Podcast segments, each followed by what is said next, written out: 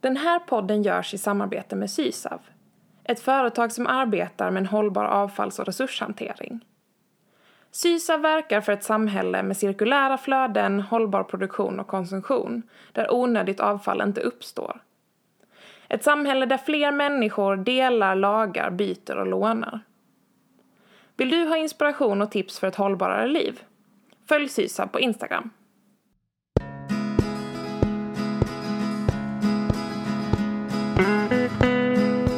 Välkommen till Steg för steg, säsong 3. Jag heter Tess Waltenburg och det är jag som tillsammans med mina gäster skapar den här podden.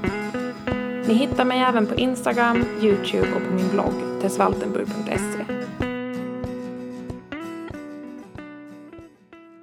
Jag sitter även i styrelsen för Sustainable Influencers, ett nätverk där vi samlar hållbara influencers med olika inriktningar.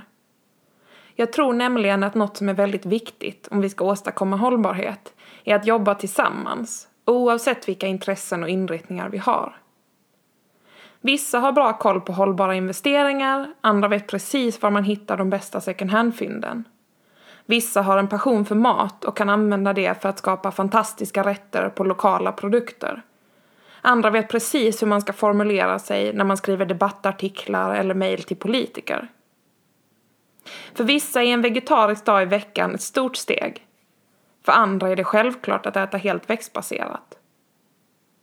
Du kan göra skillnad oavsett vem du är, hur långt du har kommit eller vilka förutsättningar du har.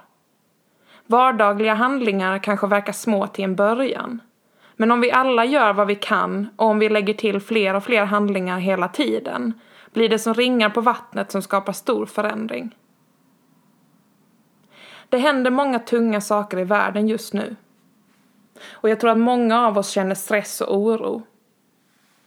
Samtidigt hoppas jag att de av oss som kan jobba hemifrån och har mer tid för reflektion faktiskt använder den tiden till att fundera över vilken värld vi vill leva i efter det här.